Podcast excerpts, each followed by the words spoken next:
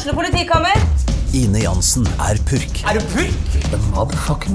Alt jeg vil, er å finne ut hva som skjedde med mannen min. Jon Carew. Er jeg sikta for noe? Iben Akeli. Det er du. Ole So, Lars Berrum og Big Daddy Karsten. Hvem sin side er du på, egentlig? Anette Hoff, Tone Danielsen, Kommer du fra Afrika? Jørnis Josef, Nesten. Kløfta. Trond Espen Seim, Det er synd å si det, men det var feil mann som døde. Purk. Premiere tirsdag på TV2 Play.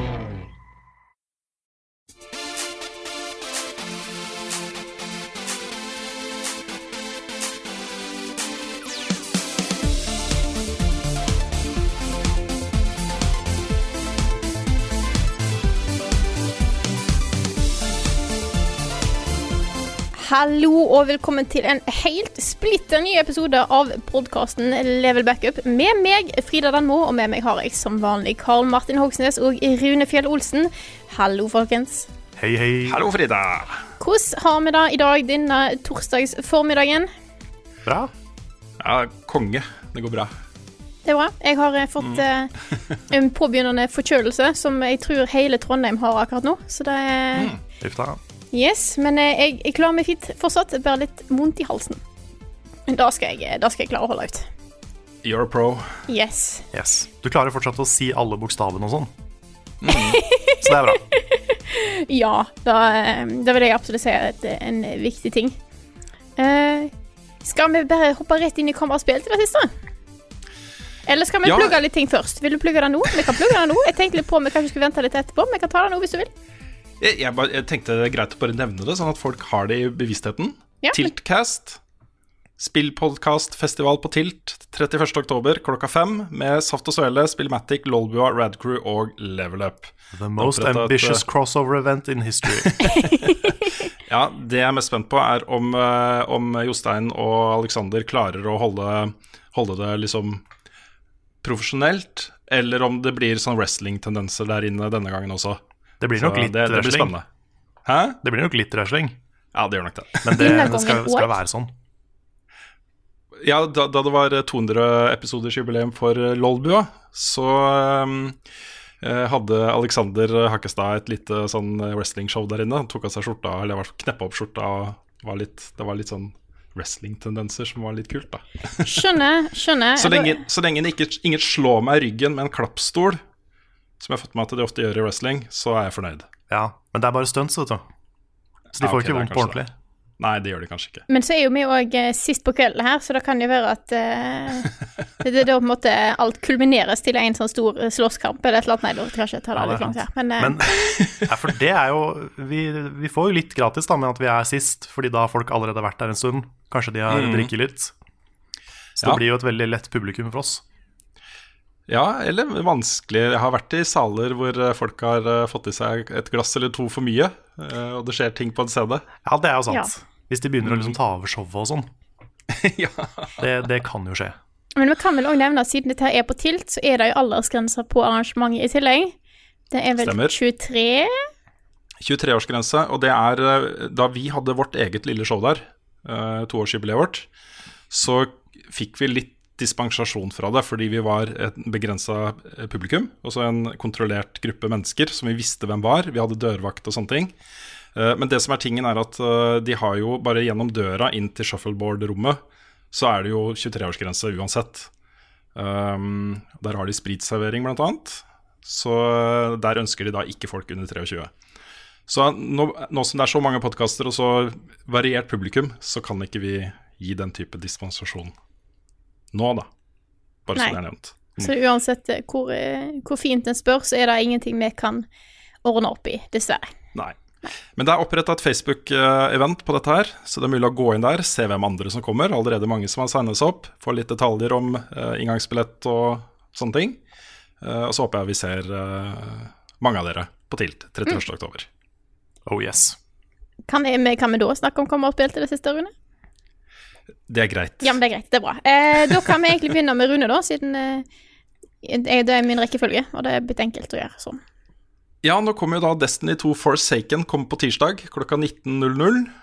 Um, jeg har spilt det ganske mye siden da. Jeg har kommet til level 50, som er level capen. Uh, jeg har runda power level 500, men der er jo capen 600. det er veldig mye av innholdet som er sånn recommended 540, 550 og sånne ting.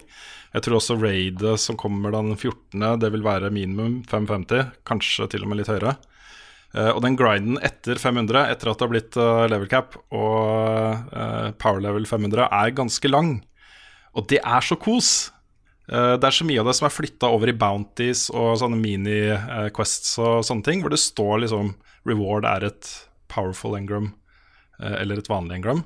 Eh, mange, masse forskjellige ting du kan gjøre da, for å komme deg videre. Så min tilnærming til Forsaken har egentlig bare vært å kose meg. Det har vært, øh, Jeg er ikke noe stressa på å gå opp i level, og sånne ting, selv om jeg spurte. For jeg blir litt forvirra av dette her. Hvordan kommer man seg opp i level etter 500, liksom? er det meningen at det skal være så tregt? Fordi du kan spille en time, ikke sant? så går det opp ett power level. Du går fra 500 til 501, liksom. Jeg, jeg, jeg vurderte å plukke opp Destiny 2. Når jeg hører det, så får jeg mindre lyst. For det er interessant, Ja, det er... fordi at du, måten du ser bare sånn Ja, det er en skikkelig gr long lang grind, masse grinding, og det er så gøy! Og det er sånn, Ja, ja, For meg så jeg, var bare forberedt på bare sånn Å, det er så kjedelig, jeg måtte liksom bare gi så langt. Men du, du har en så positiv innstilling til det. Jeg syns det er litt uh... Grunnen til at jeg sier det, da, er at tidligere så var jo uh, dette her post, uh, post-campaign-spillet mye mer komprimert og morsommere.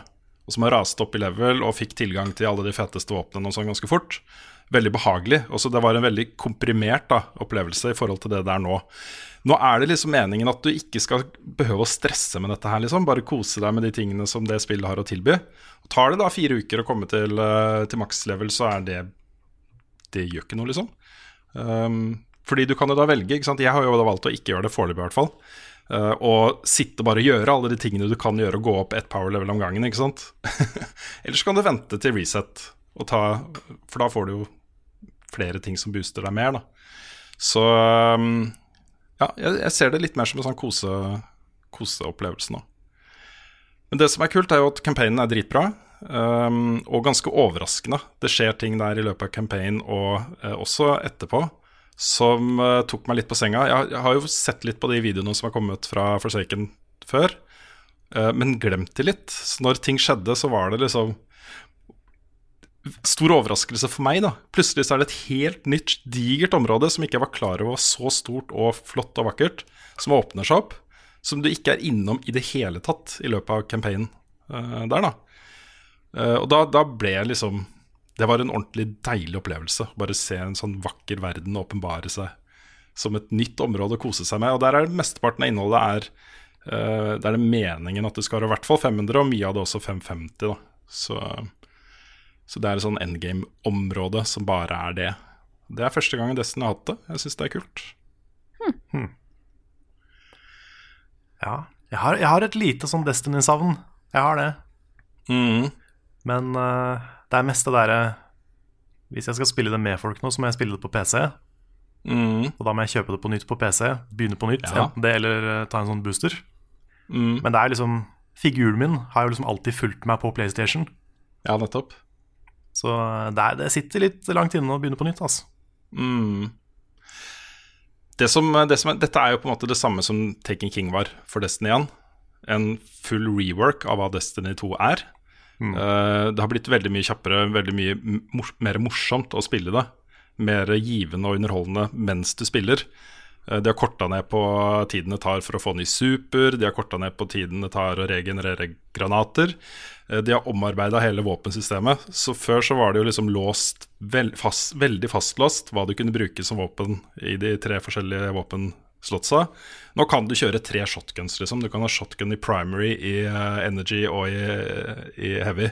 Og det er det at det åpner opp på den måten, da, og gjør det mulig å spille det spillet mer som du vil, og at du føler deg litt mer powerful, ikke bare litt, ganske mye mer powerful, eh, passer dette spillet her så mye bedre enn den der litt trege eh, boots on the ground-tilnærminga det hadde før. da. Så det har blitt mye morsommere å spille og det er mye mer beefy. Så um, det er da, sier det samme som jeg sa på Taken King. Hvis du har vurdert Destiny 2, så er det liksom nå er den beste tida å spille på. For det er masse folk som spiller. Lett å finne folk å spille sammen med. Lett å uh, komme inn i fireteams som gjør forskjellige ting.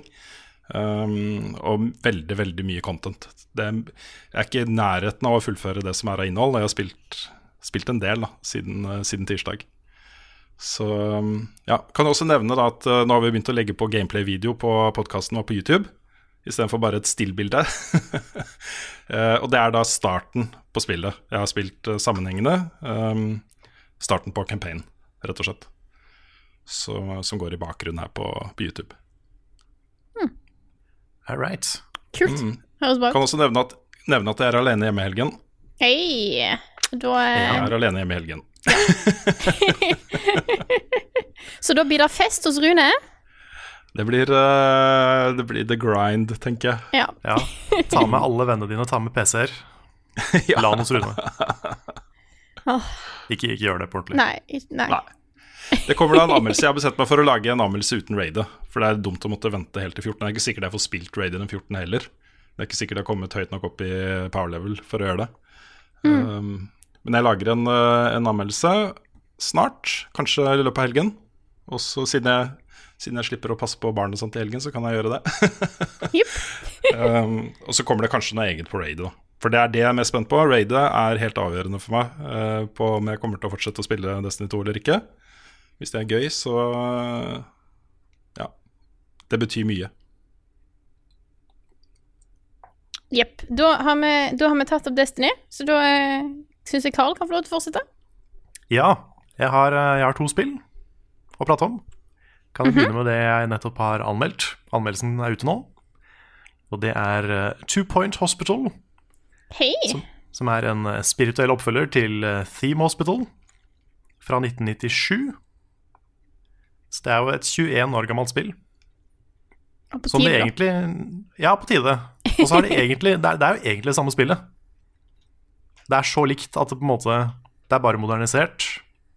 Det er gjort sånn at du kan på en måte rosere på sykehuset. Du kan, det er litt mer, litt mer 3D, men det er akkurat samme.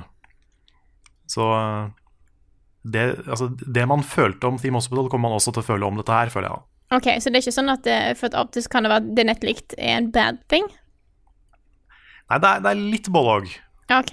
For jeg hadde håpa at de skulle ta noen flere sjanser. Mm. Men jeg syns samtidig at Team Hospital var så bra, og det er så lenge siden sist, at det på en måte Jeg, jeg aksepterer det, da.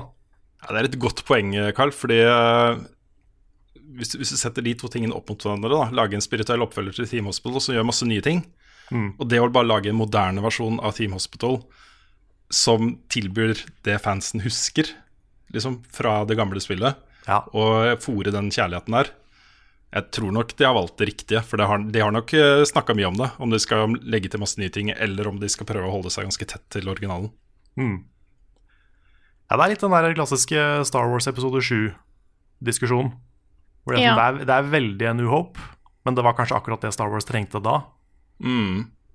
Så det, kan de, litt sånn. så, kan de heller komme med en oppfølger som er mye mer eh, fri, kanskje?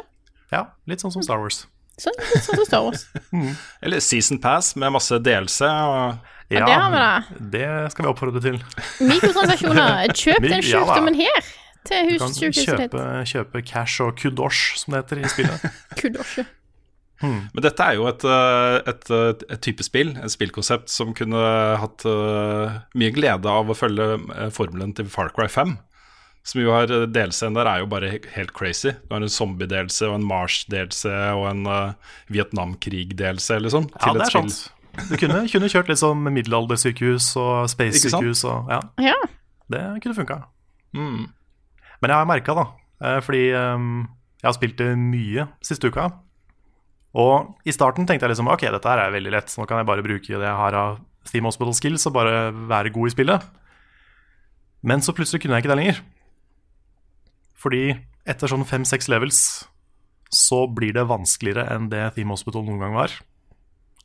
Dette blir veldig sånn repetisjon av mye av det jeg sier i anmeldelsen, men uh, da måtte jeg liksom lære det på nytt. Og det var ganske mange ting som du må liksom lære å balansere for at du faktisk skal klare de litt seinere banene. da. Så um, jeg har fått, jeg har fått en mye mer jeg, har satt meg mye mer inn i liksom mekanikkene i det spillet nå, fordi det er så vanskelig. Og da blir man litt mer stressa. Litt mer sånn Å, shit, det er så mye som skjer, jeg går i minus, og bare alt, alt går i dass. Du hører den der person dør-lyden hele tida. Men, um, men når du først begynner, liksom, når du klarer å snu det rundt, da er det gøy.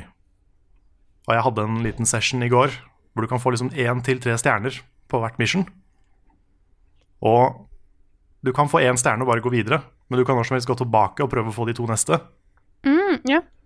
Og jeg hadde en sånn runde i går hvor jeg bare gikk tilbake. Og bare tre stjerner der og tre stjerner der, og bare, og bare følte meg liksom Nå har jeg skjønt det. Nå klarer jeg det. Nå kan jeg snu driten rundt, ikke sant. Så, så det var gøy. Når du får den mestringsfølelsen etter hvert, så er det veldig stas. Ja, ja. Nice. Absolutt. Så det um, absolutt å anbefale. Jeg gleder meg til å se, har- eh, gleder meg til å se anmeldelsen, for den eh, er vel ikke kommet ut i det vi spiller inn dette her? Nei, jeg trykker publish med en gang vi er ferdig, tenker jeg. Ja. Ja, nettopp. Jeg har sett den. Den er veldig bra. Takk, takk. Hold meg en, utenfor, ja. Ja, da, så det, er det. Jeg hadde, en liten eh, jeg hadde en liten sånn session. Jeg, jeg vet fortsatt ikke om det er gøy, men um, jeg sleit med å få sove i helga. Ah, ja. Så um, jeg tenkte, vet du hva, jeg får ikke sove. Og klokka var da seks om natta. Det var bare, jeg har Morgen, ikke som sjans. noen av oss vil Ja, på, på morgenen. Det var, det Ja. var liksom, jeg hadde ligget i mange timer og bare ikke fått sove. Så tenkte jeg, dette her er ikke noe vits. Jeg står opp, og så spiller jeg inn litt gameplay med voice fra Ja. Og det har jeg lagt inn i anmeldelsen, da. Og jeg vet ikke om det er gøy, men, eh, men det var liksom Jeg fikk den ideen. Tenkte jeg kan like gjerne gjøre noe. Og så bare putta jeg det inn. Det er av og til greit å ha få litt sånn innblikk i hvordan vi jobber når vi lager anmeldelser. Sånn. Men jeg merker at av og til så har jeg en idé. Bare sånn Jeg vet ikke om det er gøy, men la oss prøve det, så ser vi. Og så må jeg ofte bare ha sånn, en- sånn, sånn private eh, visning til Petter. Bare sånn OK, her. Se på dette. Hva syns du? Er det, er det Kan det brukes til noe? Det er liksom den derre Av og til så klarer, ikke, klarer du ikke skille mellom gode og dårlige ideer lenger. Nei. Nei, når du stirrer lenge nok på noe, så blir du litt blind. Ja. Ja, det er vanskelig, hvis, særlig hvis man har liksom følt sterkt for en idé i starten. Mm. Så er det vanskelig å la ting gå. Men det er viktig å gjøre det Det er det. Når man, Absolutt. når det er nødvendig. Ja. Ja, fordi det jeg var litt redd for med den her, var det at det skulle høres ut som jeg gjorde meg til. Men klokka var seks, og jeg var helt deliriously trøtt. Så det er sånn It's, it's real. Jeg lover. Ja. Så jeg håper ikke folk tror at det liksom bare er meg som prøver å være morsom. Altså Det er jo litt det òg, men det er ikke bare det. Det er Karl som prøver å være morsom klokka seks om morgenen. Ja. Ja. Med min overtrøtte humor da, Ja. Mm. på en måte. Ja. Nå tror jeg det er mange som har lyst til å se den anmeldelsen, Karl. Så det er bra, bra solgt. Bra innsalg der. Mm. Det, det er bare å gå inn på eh, Level Up-kanalen. Den vet forhåpentligvis de fleste hvor de finner. Level Up Norge på YouTube. Ja. Ja. Den plugger vi aldri i podkasten. Det kan hende det er noen ikke som det. at, eh, at det. ikke den er der. Nei, det den, kan være eh, lurt å søke på eller slenge på Norge. Level Up, og så Norge. Ja, for det det er er mye annet et par andre ting på YouTube YouTube. som heter Level Up. Det er sant. Men jeg kan du har spilt noe annet på- Ja, det har jeg. Ja. Spilte det på stream i går. Jepp. Og jeg har muligens fortsatt litt etter det også. Ja. Fordi vi testa hoppa blindt ut i The Messenger. Som er et uh, sterkt Ninja Guiden-inspirert eh, spill.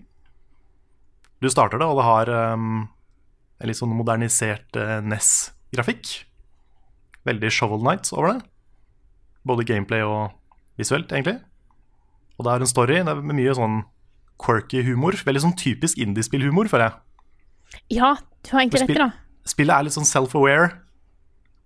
Bryter den fjerde veggen noen ganger. Og du har en sånn der eh, sassy eh, demonfigur som gir deg shit hver gang du dør. Det er det motsatte av Celeste, sånn sett. Ja.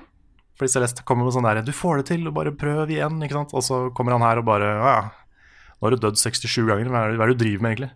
Det, er sånn, det, det er veldig motsetninger der. Men um, det spillet har jo en twist. Og den twisten har jo blitt brukt i markedsføring, så jeg skal spoile det nå. Eh, Så får Oi. folk eh, bare de, de får bare liksom holde seg for øra hvis de ikke vil vite det. Men det er, det er en del av måten spillet blir solgt på. Fordi det starter som et 8-bit-spill. Altså et uh, tilnærma 8-bit-spill. Og det var jo det under hele streamen i går. Spilte de to timer på stream.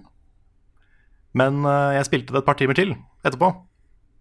Og etter sånn tre timer ish, så skjedde det her. Plutselig så bare blir det et 16-bit-spill. Oi. Så um, hele stilen forandrer seg. Uh, figurmodellen, musikken, alt, liksom. Får en helt annen look. Og det er dritkult når det skjer. Og det er liksom Det er så veldig stor forandring også. For Det er lett å tenke at liksom 8-bit, 16-bit det, det er ikke så stor forskjell, men det er ganske stor forskjell når du ser det. Um, jeg tror, jeg har ikke kommet dit sjøl, men jeg tror det er en mekanikk hvor du kan skifte fram og tilbake etter hvert. Og da skjer det ting i spillet. Men det, dit har jeg ikke kommet, så det vet jeg ikke ennå. Jeg ser for meg at eh, i utviklingen av dette spillet, så er det en gjeng som har sittet bare sånn Jeg har egentlig en veldig god idé, hvis vi bare tar og Men da må vi egentlig gjøre om hele spillet, og så gjøre alt til 16-bit. Andre bare sånn Nei, vi har jo allerede lagd liksom første, første timen av spillet. Det er i 8-bit. Vi har alle sprites, vi har alt, liksom. Og han bare sånn Skal ikke bare lage resten i 16 16-bit, da? Eller annen, eh, et eller annet møte der, når det er noen som bare er litt misfornøyd. Bare sånn, Men faen, må vi skifte stil på hele spillet? Så gidder de ikke legge fra seg det de allerede har gjort. Nei, det er sannsynligvis ikke det som skjedde. Noe, noen som har hatt en god idé her, vil jeg tippe.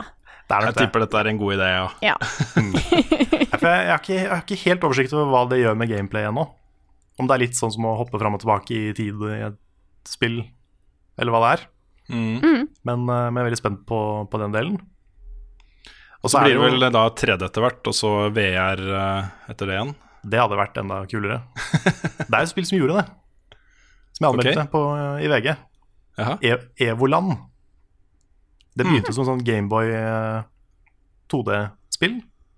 Og så ble det top down. Så ble det farger. Så ble det SNES. Så ble det 3D. Yes. Det var ganske stilig. Mm. Spillet var ikke så bra, men det var en kul sånn gimmick. Mm. ja. Men um, Nei, bare, bare den 16-bit-stilen er jo på en måte Jeg sier 16-bit, men det er jo ikke det heller. Det er jo mye, mye mer HD. Det er, jeg vil ikke si det er helt på Owlboy-nivå, men det er ikke så langt unna. Så det blir jo dritpent. Og gameplay forandrer seg. Du får jo flere moves etter hvert. Det, det er ordentlig kult, altså. Ja, det så innmari bra ut på stream. Jeg ble ordentlig fascinert av å se deg spille, Karl. Det er kult, kult opplegg og godt gjennomført. Jeg er enig. Det er, det er kjempebra laga. Så um, det skal definitivt spilles mer. Høres bra ut. Jeg har jo eh, nå uh, Jeg skal ikke snakke altfor mye om det, for jeg snakka om det før. Uh, men jeg har hatt, jeg har hatt en sånn liten litt problem med Bad North. Og den ene grunnen at jeg får det ikke til, føler jeg. Jeg føler ikke jeg er god i det spillet. Og det irriterer meg. Noe helt grenseløst. Som Mm. person som har anmeldt både Cuphead og Celeste, at jeg ikke får til et spill, gjør meg sint. Men, eh, så derfor har jeg på en måte utsatt anmeldelsen. Men nå har jeg, eh, nå har jeg bestemt meg hvor jeg, hvor jeg ligger, hva jeg syns. Hva jeg, eh, jeg føler jeg har på en måte skjønt spillet. Så den helga her er dedikert til Nå har jeg på en måte siste ukene vært litt sånn travelt på ettermiddagstid, men nå denne helga er dedikert til anmeldelse, så i løpet av helga eller tidlig neste uke så blir det anmeldelse. Så jeg skal ikke snakke mer om spillet nå, men det er bare sånn Det, det spillet Jeg har hatt en sånn liten beef med det spillet der. Men at jeg på en måte ikke helt skjønner jeg, jeg, jeg føler det er et eller annet jeg mangler. For at jeg føler Det du, det du gjør, da, for de som ikke har hørt noe om det, at du spiller noen små soldater som skal forsvare en liten øy mot uh, vikinger. Og på et tidspunkt så kommer noen store vikinger som bare dreper deg. De sender noen sånne spyd gjennom deg, og så bare dør alle. Og så sitter jeg der og er litt misfornøyd. Men nå jeg har eh, pro tactics. Litt sånn som den der uh, Den avskyelige snømannen i Ski Free, er det det? Ja Så kommer du bare tar deg. Ja, ja. Litt sånn at det er liksom bare, du, du bare dør. Ja, jeg føler det. Ja. Men nå fant jeg ut Hvis du bare oppgraderer Hvis du bruker alle pengene du får på å oppgradere noen type units til maks, istedenfor å bruke penger på andre ting, så, så har du en sjanse. Så det er mitt tips til de som Mm. Jeg kommer til å snakke mer om det i anmeldelsen, så det er Jeg skulle ikke si det mer, men jeg bare vil si at nå, nå har jeg skjønt spillet, tror jeg.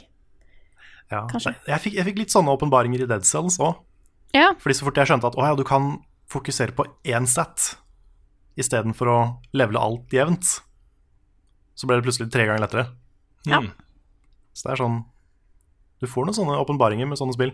Mm. Sånn her, å hvis jeg bare gjør sånn Dette er det jeg har mangla, liksom. Ja. Du Skulle bare gjort det helt fra starten. Ja, skulle bare skjønt det med en gang. Jeg tror vi hadde glemt litt ut at vi skulle ha ukens anbefaling i dag, men uh, vi kom jo uh, Av og til så har vi på en måte bestemt det på forhånd. Det hadde vi ikke gjort i dag, men jeg har noe som jeg hadde tenkt på på forhånd at jeg skulle anbefale. Jeg hadde bare glemt det. Så da jeg vil denne gangen anbefale en Instagram-konto. Oi. Og jeg vet at det, hø det høres litt sånn eh, så rart ut, men det er en bra konto. Ja, dette er Eh, grensesprengende for podkasten. Ja, jeg vet. Så dette er da eh, Instagram-kontoen Jeg vet ikke helt hvordan jeg skal uttale dette her. Jeg tror det er BA Desken. Badesken. Det er i hvert fall Ken André Ottesen. Han har en eh, Instagram-konto eh, der han tar fram teite overskrifter fra lokalaviser.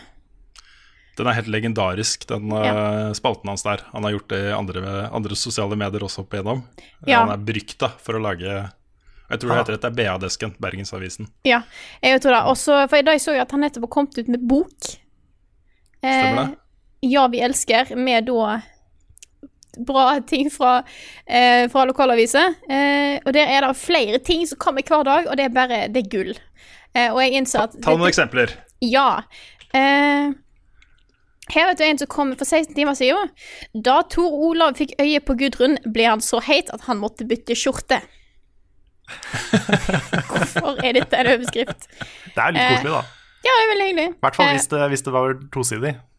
Ja, da vet jeg, jeg får jo bare sett eh, altså, sånn bildene her, da. Og så har han veldig mye sånn der han på en måte lager en dialog før tittelen kommer.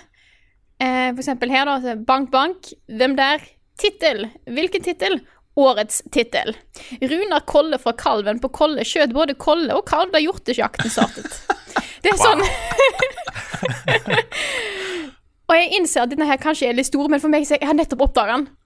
Eh, Og derfor har jeg litt sånn eh, glede på Ja, den skal jeg gå og følge med en gang når vi er Ja. ferdig. Han er, uh, han er veldig morsom. Så, så da anbefales på det sterkeste. Bare gå, gå inn på den kontoen, så bare blar du litt nedover. Det må være litt. så gøy å jobbe i lokalavis. Ja. I hvert fall hvis det er en, et veldig lite sted. Det er sikkert vanskelig å fylle sidene, men samtidig det må være så morsomt. Fordi Ja, du, du, kan på en måte lage en, ja, du kan jo på en måte lage en sak om nesten hva du vil. Nesten hva som helst. Ja. Jeg har, eh, Blant de tingene jeg dekka i Moss Avis den sommeren jeg jobba der, var det NM i hesteskokasting. Ja. Eh, Det var en familie som hadde fått noen tam, en tam rev som bodde hos dem. Det er koselig. Um, Det er ja, det, var, eh, det er en sak, det er en sak jeg ville skrive om uansett. Ja, ja, ja. Legg ut på level up. Lansering av en ny Mercedes var den første saken jeg skrev. Ja. Oppe på bilforhandler uh, i Moss. Uh, jeg skrev om kommunesammenslåinga mellom uh, Høren og Vestby. Men da er jo heite saker, da.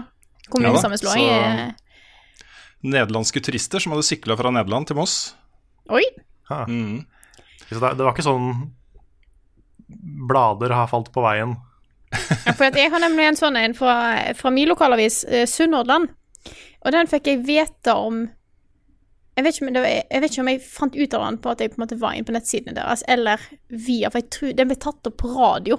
Litt sånn jeg husker P4, tror jeg, fordi at han var så teit. Og da var da saken Skilt på Skeivo. Jeg tror jeg har snakka om det før, for det er min fantastiske sånn Ja, det var en sak om at det var et skilt som var blitt litt skeivt nede på kaien. De visste ikke hvorfor det hadde blitt sånn. Det kan være at det var noen som hadde kjørt i det. Kan være noen som var litt sint på skiltet, men de visste ikke helt hva som hadde skjedd. da. Dette ble tatt opp i et eller annet radioprogram, fordi at hallo, det er den dummeste saken jeg har sett i mitt liv. Og så, etterpå, så kom det en oppfølgingssak, selvfølgelig. Skeivt skilt vert snakkes om at den saken om det skeive skiltet hadde havna på radio. Ja. Mm. Men det er jo stort, altså. ikke sant, for den avisa. Ja, ja. får de masse publisitet. Sant. Så eh, absolutt. Men eh, ja, lokalaviser, good shit. BR-desken, good shit. Da blir det nyheter med vår alles kjære Rune Fyll Olsen. Ja, eh, vi har jo snakka litt om hvordan vi skal gjøre det med nyhetsspalten nå som vi har starta et helt nytt magasin på YouTube-kanalen vår. Spilluka. Spilluka. Mm. Første episode var nå på tirsdag. Veldig gøy å lage, og morsomt med mange hyggelige tilbakemeldinger også. Eh, og det er jo rett og slett bare Det er et ukentlig nyhetsmagasin hvor vi går gjennom de største nyhetssakene, akkurat som vi gjør her i denne spalten. Eh, Ja. Så det å finne den balansen Men jeg tror det skal gå ganske greit, fordi det man oppdager ofte, er at det har skjedd nye ting siden tirsdag. Så ja, og så kommer det til å skje nye ting før tirsdag. Så det vil alltid være nye ting. Så for eksempel her så er det egentlig bare én av de sakene jeg satte opp her, som var med i eh, spilluka. Så det er bare okay. masse ferske nyheter. Ja, Det er så, bra. og så gjør det jo ikke noe å være at det er litt repetisjon. Fordi det er jo ikke alle som ser på spilluka som hører på podcasten, og omvendt. Nei, men jeg vil jo anbefale da å se begge deler, og så få med deg begge deler. Det er liksom, Ja, Jo flere som ser på tingene vi lager og hører på podkasten jo bedre. Ikke sant? ja. Greit, vi kan jo nevne først da eh, at eh, i dag, eh, fredag, lanseres Spiderman. Det er liksom Yeah. den store spillbegivenheten denne uka her. Mm. Nick har anmeldt det. Han ga det Nå sier jeg det. Det er lov å si det nå, ikke sant? Skal, skal du si det? Oi. Jeg kan ikke si det? Jo, det er et par dager siden den kom, Ja. den anmeldelsen kom ut nå. Jeg bare, jeg bare føler liksom Jeg føler litt på det der at dette er noe Nick har jobba med, og så spoiler vi slutten. Ja. Ok, han ga det noe. Eh, men det jeg kan nevne, er jo at eh, eh, det har fått mange veldig høye scores, hvis du ser rundt. Men det har også fått noen scores på eh, 80 og 70 og helt nede i 60-tallet. Så ikke, ikke så unisont som en del andre utgivelser som har vært liksom der. Eh, så, så det, det- synes jeg var litt interessant å se. Det er Til og med Guardian ga det 60, altså 6 av 10. Oi. Dette er første gang jeg hører om. Så, så det var litt uh, interessant. Så nå er jeg faktisk enda litt mer spent på å spille det selv. Og, ja. Det, er, det er jo det at anmeldelser er eh, vi kan, eh, Siden dere dukker opp innimellom, så vil jeg gjerne si det en gang til. Anmeldelser er subjektive, mm, sånn at folk har lov til å synes ulike ting om et spill, og det er greit. ja, fordi det som er litt trist her, er at det her kommer garantert til å bli en sånn derre uh, sosiale medier-greie av det. Ja. Mot Guardian og mot de som har våget å gi dette spillet lavere enn eh, 1000 av 100, liksom. Ja. Ja. Og så begynner, så begynner folk å rope om uh, uetisk Ja. for, fordi de ikke likte spillet like godt. Mm. Så, men jeg, men jeg syns det er et sunnhetstegn at uh, veldig hypa spill uh, ikke bare liksom får en uh, innenfor en sånn 10 %-andel av, uh, av eh, 100-skalaen, liksom. Ja. Så, um, så det, det er bra. Mm. Eh, ja, vi tror at Nick kommer som gjest neste uke, og vi tror også da at opptil flere av oss også har fått spilt Spiderman. Han hadde ikke lyst til å være her i dag, fordi han hadde lyst til å snakke litt friere om Spiderman. Og ikke være bundet av embargo og uh, at folk ikke har spilt det selv. da. Mm. Så, så han kommer tilbake neste uke, sannsynligvis. Mm. Så da blir det litt mer Spiderman. Jeg, jeg kommer til å kjøpe det på launch i natt, Mm. så jeg skal også ha fått spilt det til eh, neste gang. Det er kult. Så har vi en veldig veldig kul eh, norsk sak. Norges Fotballforbund starter nå landslag i fotballspill. Hei! Mm. Det Det skal være en turnering på Ullevål stadion lørdag 13.10, hvor du da spiller om å få en plass på det landslaget. Eh, og de skal ha eh, seks til åtte samlinger i året. Og du får da honorar for deltakelse. Du får lønn for innsatsen de gjør på det landslaget her. Og de sier også at de skal behandle det som et vanlig fotballandslag. Altså hvordan man ja, hva slags kontrakter man signer og regler man skal følge og sånne ting. Åh, jeg ser for meg overskriftene. Få betalt for å spille fotballspill. Ja, Ja, Du vet det kommer? Ja. det kommer garantert. Det som er litt spesielt her, da, og som gjør at det bare hm, uh, what? Det er at det landslaget her, de seks eh, eller ja, seks, sju, åtte, ni personene de har tenkt å ha på det landslaget her, de må være gode i både Fifa og Pro Evolution. Det syns jeg var litt spesielt. Ja, Det er det er rart at de har Altså, de må ha begge. De må ha begge. De må kunne begge. De kommer ikke til å ha ett landslag i Fifa og ett i PES. Det er veldig rart. Mm. Greit at det er samme sporten, men det er jo to forskjellige spill. Det er det, altså. Da må de jo spille Skal de være like gode begge to, så må de jo spille dobbelt så mye på en måte som det de gjør i dag. Så, så vi får se. Men en utrolig kul, kul satsing. Og det landslaget her skal da samles og trene på de samlingene sine. Skal jo være på et eget sånn nytt e-sportområde på Ullevål stadion. Så det, det er liksom en ting som skjer som jeg syns er ganske kul. Så ja, stilig, rett og slett. Mm. Det var 13. oktober den turneringa var. Jeg tror det er bare å melde seg på og møte opp og prøve det.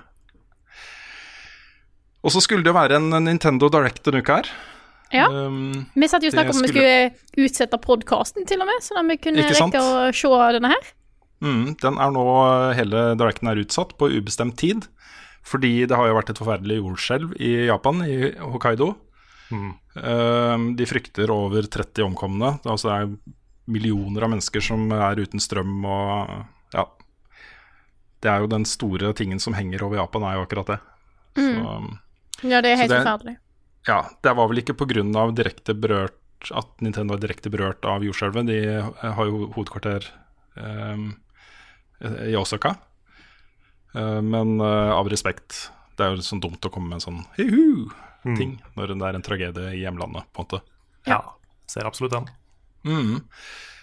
Eh, og så har eh, utviklerne av Runescape annonsert at eh, det kommer til IOS og Android den 30. oktober. Og dette er jo spillet som bare går og går. Dette er Duracell-versjonen av MMO-er. Det bare går og går. Det har jo blitt modernisert et par ganger, men det er jo fortsatt det samme spillet. Mm. Det har vært under testing hos De har en sånn egen sånn members only-opplegg. Uh, spillerne av Runescape har testa det en ganske lang periode og, og funnet ut at det er verdt å lansere. Så um, jeg, jeg syns også det er interessant. Altså. En interessant utvikling på mobilplattformen. Nå har du fått alle disse store uh, Battle Royale-spillene er jo på mobil. Og så Du ser jo folk lager jo setups nå med telefonen sin i et eh, lite stativ, og så et fullt tastatur og mus. Ja. så en billig PC, da. Hvis du allerede har en telefon som kan håndtere de spillene her. Det er helt sant. det. Det er jo litt, eh, litt morsomt at det er ganske, det er en ganske stor del av fanbasen, visstnok, som hele tida har trodd at det het Run Escape. Oh, ja. Og vi møtte jo også en dame i jeg tror det var NRK. Ok. Skal ikke utlevere hvem det var, men, eh, men, men hun snakka om at nei, jeg spilte veldig mye Run Escape. da Ja, nettopp. Jeg skjønte ikke helt hva hun mente i starten, og så bare å ja, det er Runescape. Mm. Ja. Så da, Ja, da kan vi komme med en bekreftelse her at det heter Runescape. Ja, for vi, nå ble jeg plutselig usikker, for jeg, har aldri, jeg, jeg tror ikke jeg har hørt noen si det til meg, jeg bare lest det. Ja, du var der da vi, da vi Ja da, men altså øh, Jeg har aldri tenkt på Nei, at sånn, det ja. skal kunne kanskje uttale det som Run Escape, men øh, Nei. Nei, men, eh, men logoen er jo delt opp på Rune og Scape, så det, det er jo det. Det er stor S. Stor S. Ja. Stor Escape. Mm. Det skal også lages, og dette her aner jeg ikke om blir noe som helst, men øh, det er annonsa et øh, nytt Lord of the Rings Free to Play MMO. Free Skal to play nå- MMO. Ja. ja. Da og det er da i eh, tillegg til Altså det er noe annet enn Lord of the Rings Online, som fortsatt eksisterer og fortsatt lever og har spillere. Eh, Men det er et kinesisk eh, selskap som eh, står bak dette. her De har sagt at ikke de skal utvikle det selv, men de har heller ikke sagt hvem som skal lage det. Men de har sagt at det skal være Triple A. Det er lett ja. å si. Det er lett å si. Ja, det, Ja, det er det er jo en stor ting å si. Mm. Triple A i 2018 er, det er stort. Det Ja. er stort. De har jo da vært i forhandlinger med de som eier eh, opphavsretten til Lord of the Rings. Da vet jeg ikke om det er bøkene eller filmene. Men eh, det som eh, er saken her, er jo at Amazon legger jo en milliard dollar på bordet for å lage en ny TV-serie basert på Lord of the Rings. Som kommer da i 2021. Så eh, det man kan spekulere i, er om man tenker at Lord of the Rings vil få en ny vår. Vi lanserer et nytt spill samtidig. Det er ikke en Så, dum ja. da. det, det ligger masse potensial i uh, Middle-earth og hele det universet der. Eh, og TV-serien skal jo foregå før handlingene i bøkene og filmene. Så det, det ligger ting her som er verdt å ta tak i. Eh, vi nevnte jo det i eh, Det er den ene saken som jeg har fra uh, spilluka. Battlefield 5 er utsatt i en måned. eh, kommer nå ut 20.11. Og det er en eh, åpen beta som pågår akkurat nå. Har vært litt rocky start etter det jeg har fått med meg. Folk eh, har hatt en, en ting eller to å pirke med den opplevelsen. Men eh, de jobber jo nå kontinuerlig også under betaen med å høre på feedback og implementere endringer. Så ja, ser ut som kanskje det var en grei idé å utsette det en måned. For å pusse, pusse på det litt mer. Var ikke det lodga også mellom Red Dead og Call of Duty? Jo da, det var, lå midt mellom de. Ja. Kjempelurt. Ja. Og sånn som du nevnte også, Carl, forhåndssalget av Battlefield 5 har ikke vært kanskje så høyt som forventa. Så kanskje de bare må ta noen grep. Og så ramla det inn en veldig morsom sak rett etter at vi publiserte um, uke, uh, spilluka. Henry Cavill skal spille Geralt i Netflix-TV-serien basert på The Witcher. Det er veldig sjelden internett er så fornøyd med Ja, ikke sant? Men her har det vært liksom Ja, helt riktig. Men jeg tror en av grunnene til det er jo fordi at han her har jo snakka lenge om at han er jo Witcher-fan. Jeg tror han har lest Jeg er ganske sikker på at han har lest bøkene. Jeg vet han har ofte snakket om at nå har han satt seg ned og spilt Witcher 3 igjen. Sånn at han er fan av serien, og det tror jeg har veldig mye å si. Men det som er, jo litt kjekt, da jeg så, Dette ripper jeg direkte fra en kommentar på Reddit, så dette er ikke mine egne meninger sånn eh, originalt sett, men jeg var Ja, men det hadde du ikke trengt å si, for det er sånn folk opererer i dag. De leser noe kult på nettet, og så presenterer det som sitt eget. Nå er det dette bare- min mening. Men jeg tenker, fordi at jeg har hatt veldig mye om sånn referanse Viktig å ha referanser og sånt. Eh, jeg har ikke funnet fram kommentaren. Men Jo, jeg hadde nesten glemt hva jeg skulle si. Eh, det viser jo faktisk at Netflix har lyst til å betale litt penger i denne serien. Mm. Eh, ikke bare at de på en måte skal lage en serie, men de faktisk går litt inn for å ha litt budsjett på skuespillerne. Mm. Og det er bra. Ja, det er veldig bra. Regissøren der sa jo det at han hadde bare ett navn på blokka, det var Henry Cavill. Ja. Eh, og hvis, Ja. hvis noen da tenker Henry Cavill, hvem var det igjen? Det er jo da Supermann. Det er nye, nye Supermann. Og så har han en helt fantastisk kul rolle i eh, nye Mission Impossible-filmen. Aha. Mm. Så eh, jeg syns han var et godt valg for uh, Geralt, altså. Det var en, eh, en kul ting. Kan jeg, kan jeg ta opp en ikke-relatert uh, nyhetssak som du eventuelt kan klippe bort hvis du vil, Rune? Skal jeg si nei, da, liksom? Skal jeg Ja. si nei? Nei, nei, jeg- men eh, nei, fordi jeg syns det, det var så veldig morsomt. Okay. Vet ikke om dere følger NSB på Twitter? Jo. Og det er bare noe av det morsomme, fordi dette er da noen som styrte den Twitter-kontoen, har klart å like en ting som de ikke skulle like. Og det var, jeg så først den der beklagelsen deres, hvor de bare sånn Nei, vi tar avstand fra dette innholdet, og nå, nå, nå ligger det der, og vi beklager. Og de, de skjønte ikke åssen de skulle fjerne det. Fordi du, de skjønte ikke at det gikk an å unlike noe. Så også var det veldig morsomt. Og så måtte jeg gå inn og se hva det var.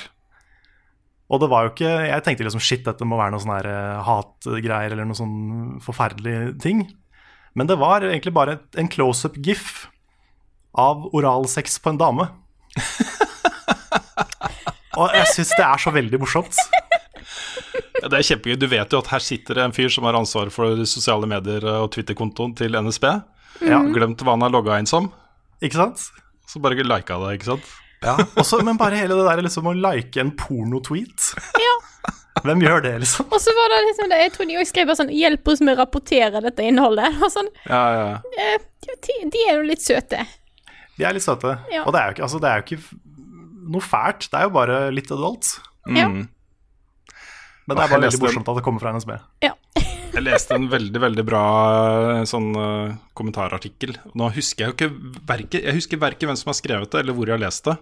Men det det gikk på, var jo eh, uh, hvor, hvordan vi skal forholde oss til at de sosiale medier-kontoene til store corporations har en personlighet.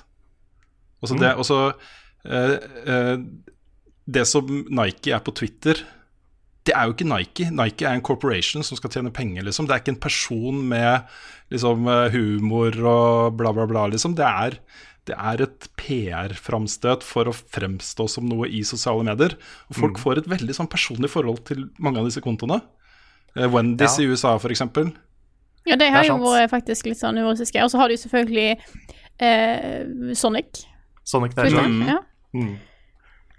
Ja, jeg vet ikke helt hva jeg sier. Jeg, jeg syns det er litt kleint når uh, disse, altså, jeg, jeg skjønner jo at de gjør det, og det funker jo åpenbart, på en måte, men jeg syns det er litt kleint når liksom, Twitter-kontoen til en, en Big Bucks Corporation liksom er hipp og kul og ung og down with the kids, liksom. Det er, jeg jeg syns det er litt kleint. Hello, litt kleint. fellow kids. Men jeg syns samtidig, da, hvis en, hvis en svær megacorporation tar en statement på noe, det kan ha en positiv effekt, syns jeg.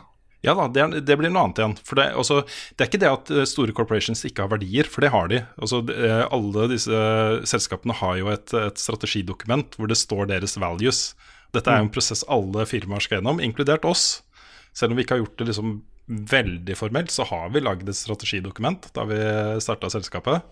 eh, og snakka mye om hva vi skal være, og vi, altså, hva våre verdier som selskap er. da. Um, og Sånn er det jo for alle de store selskapene også. Så det å på en måte ta avstand fra uh, trakassering og diskriminering og den type ting, er jo går rett inn på hva et selskap også bør gjøre. Men det å på en måte skrive noe fett om Game of Thrones, liksom, er liksom det, det blir en Ja. litt annen ting, da. Ja, det er litt rart. Altså, det er sånn, jeg setter både pris på det samtidig som jeg syns det er litt rart. Ja. Jeg vet ikke. Men uh, dette blir veldig, veldig digresjon. Ja. Men um, jeg så en veldig interessant YouTube-video som het Jeg husker ikke akkurat hva den het, men handla om uh, det som heter parasosiale forhold. Eh, Jeg tror den het, Det var to episoder. Det het Fake Friends og så et eller annet om parasocial relationships på YouTube. Og den første videoen var et kvarter lang. Jeg så den og tenkte dette var spennende. Og så så jeg episode to, var to timer lang. Og jeg bare begynte å tenke ok, jeg får se litt. Og det var så interessant at jeg så hele. Men det handla om bare hvordan man forholder seg til sånne enveisforhold, eh, forhold, for å kalle det det. Sånn det at f.eks. jeg følger en person på YouTube, føler at på et, i hvert fall på et visst nivå føler jeg at jeg vet hvem de er, at jeg kjenner de. Og jeg tenkte litt på det sånn for min egen del som en, eh, en YouTube-person. Influencer, som en eh, skikkelig influencer. Mitt Ja, ja. i verden. Absolutt ikke et ord jeg hater med every fiber of my being. Influencer. Æsj. Um, men, men ja.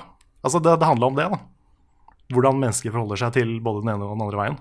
Mm. Det var dritinteressant. Så jeg fikk, eh, jeg fikk litt sånn eh, ting å reflektere over etter at jeg så den. Både hvordan jeg forholder meg til de jeg følger, og hvordan kanskje jeg burde forholde meg til de som følger oss. Ja, jeg har lyst til å se den, jeg også. Du snakka om den for uh, lenge siden. Og da ble det sånn, ja, den bør jeg se. Ja. Kanskje jeg skal se den en dag. Den Episode to er lang, men den er eh, interessant nok tatt, at den rettferdiggjør det. Hmm. Så en ekstra anbefaling der til til Ja, oss. liten, for det, jeg tenkte på det nemlig før du sa at du ville ta anbefaling, Frida. Jeg Ja. kunne tatt den. Too late. Da må du finne på noe nytt til neste uke, da, Karl. Jeg må det. Jeg må det. Skal vi ta noen spørsmål, eller? Det gjør vi. Vi gjør det. Da har jeg funnet fram alle spørsmålene våre, men før vi hopper, hopp, hopper løs hva er, hva er uttrykket der? Nå har jeg glemt hva uttrykket er. Jeg syns vi skal lansere hoppe løs Ja, Hopp løs før vi hopper løs. før vi hopper løs. Før gutta folkens hopper Hvorfor får ikke jeg til uttrykk? Vi skal ha ukens spørsmål.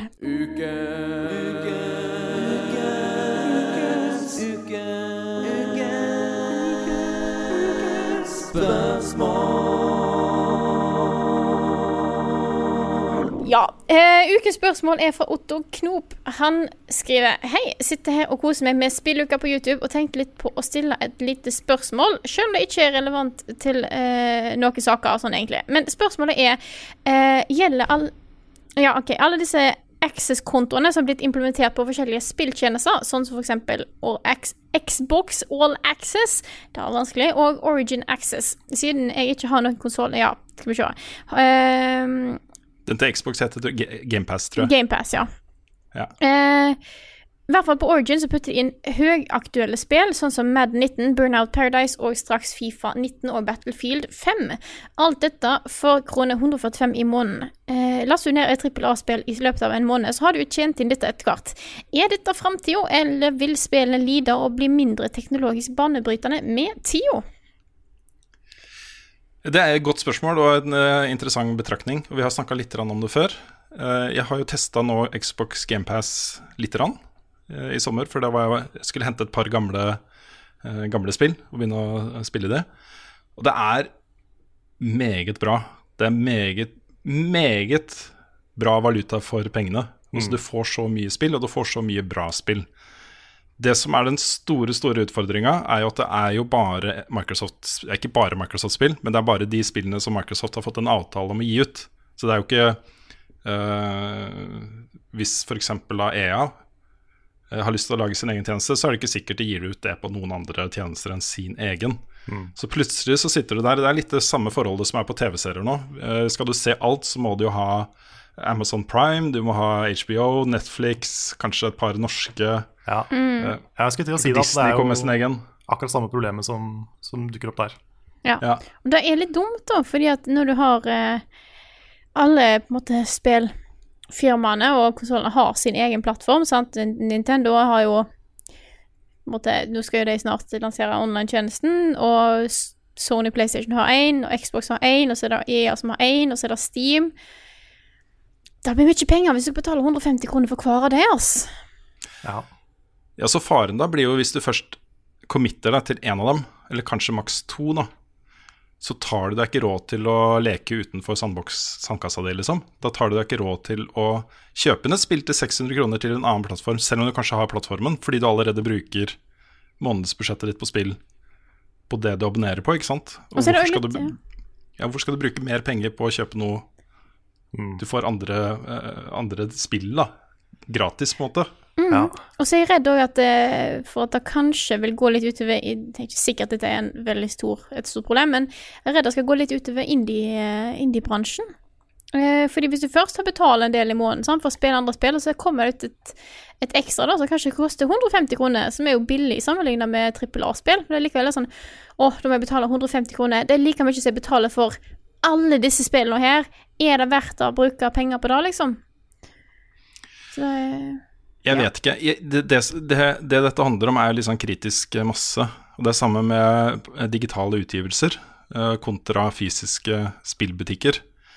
På et eller annet punkt, da, hvis det kommer flere og flere av disse tjenestene, og det blir bedre og bedre, og flere og flere bruker det, så på et eller annet punkt så uh, kan man se da at en gjennomsnittsspiller kanskje bruker gjennom et år på alle de pengene man bruker på det abonnementet, mer penger enn uh, om den samme personen hadde bare kjøpt fysiske spill. Da. Og så blir det et regnestykke ikke sant, hvor man sånn og sånn. Um, og jeg har jo Jeg ønsker meg jo sånne tjenester. Jeg syns det er bra. Uh, for, for, som forbruker så er det i utgangspunktet mye bra med det. Men uh, jeg, jeg håper og ønsker at de er knytta til plattformer og ikke til publishere. Sånn at eh, PlayStation kan ha sin egen, at Microsoft kan ha sin egen, at Ja. Nintendo kan ha sin egen. Uh, og at det kan være en egen på PC, hvor, hvor man får stort sett alt. da Alt Alt som kommer på den plattformen, er tilgjengelig, ikke sant? Ja, ja, en Steam for hver plattform. plattform. nettopp. Nå abonnerer du vel ikke på Steam, eller har de Nei. fått sin egen abonnementstjeneste, de også? Nei, jeg bare tenkte på at hvis det er noen eh, plattformer på PC skulle gjort det, eller mm. det skulle blitt, eh, blitt stort, eh, så er jo Steam-plassen, for der har du allerede mesteparten samla eh, på én plass. Det er egentlig ganske imponerende at de har klart å samle nesten alle spill til PC på én plattform. Mm. Ja, det er imponerende. Nå ser jeg at det er mange som prøver å, å tilby noe, også mange som også liker at andre prøver, prøver ting. Uh, Good Old Games som har fått en liten ny vår og, og sånne ting. Og Blizzard har jo egen Ikke sant. Uh, men det er eh, For spillkulturen så er den type tjeneste veldig bra, fordi det gjør at mange prøver spill de normalt sett ikke ville ha brukt penger på å kjøpe, og kanskje oppdager nye ting og ser spillmediet fra nye sider og utvikler seg da som spiller og som spillinteressert ved å tenke at dette kan jeg bare spille fordi jeg allerede har betalt de pengene det koster å spille det spillet her, ikke sant. Ja. Og det er, det er det som alltid har vært problemet med gaming, at inngangsbilletten er så veldig dyr. Vi er jo veldig heldige som har så mye tid og ressurser vi kan bruke på spill. Eh, Men det er jo det er ikke så mange som er sånn generelt spillinteressert på samme måte som det vi er, fordi folk har ikke råd til det, ikke sant? eller de har ikke tid til det. Mm. Og det hadde gjort mye med en sånn tjeneste. Absolutt.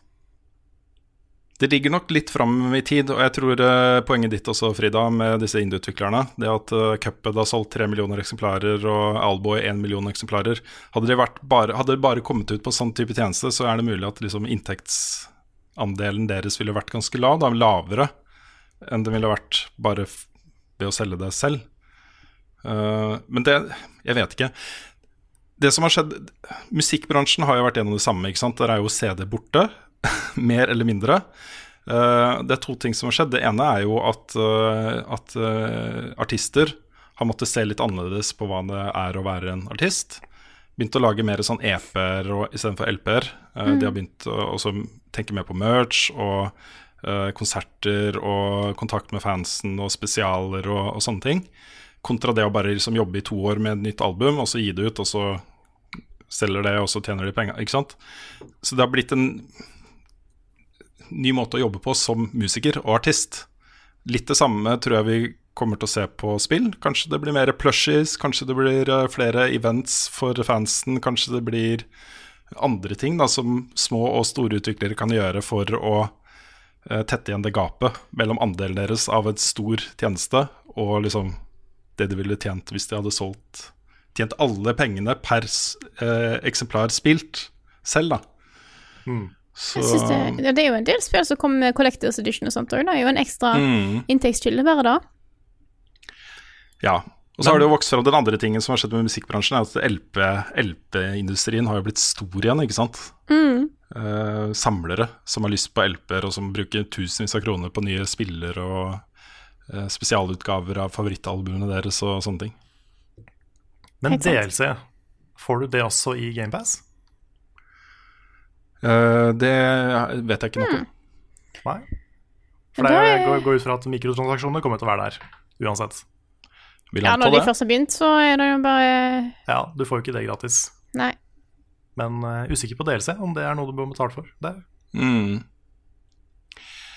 Åssen er det på YouTube Red? Er ikke det litt sånn at uh, hvis du abonnerer på det, så fordeles pengene etter hva du faktisk har sett den Ja. måten? Jeg tror Ja. det. Dette- Eller YouTube, Premium, som det heter i Ja. Norge. Det Ja, stemmer det. det. Har vel bytta navn to totalt, tror jeg. Ja, det kan godt være. Mm? Jeg tror det er bytta navn overalt til premium. Ja, ok, greit. Ja, det kan tenkes. Men ja, Men- eh, så vidt jeg har skjønt, så de som tjener penger på ads på YouTube, de tjener mer hvis en eh, YouTube Premium-bruker ser det. Ja, nettopp. Fordi selv om de ikke får ads, så veies det opp av at du har sett på noe som en premium-bruker. Mm.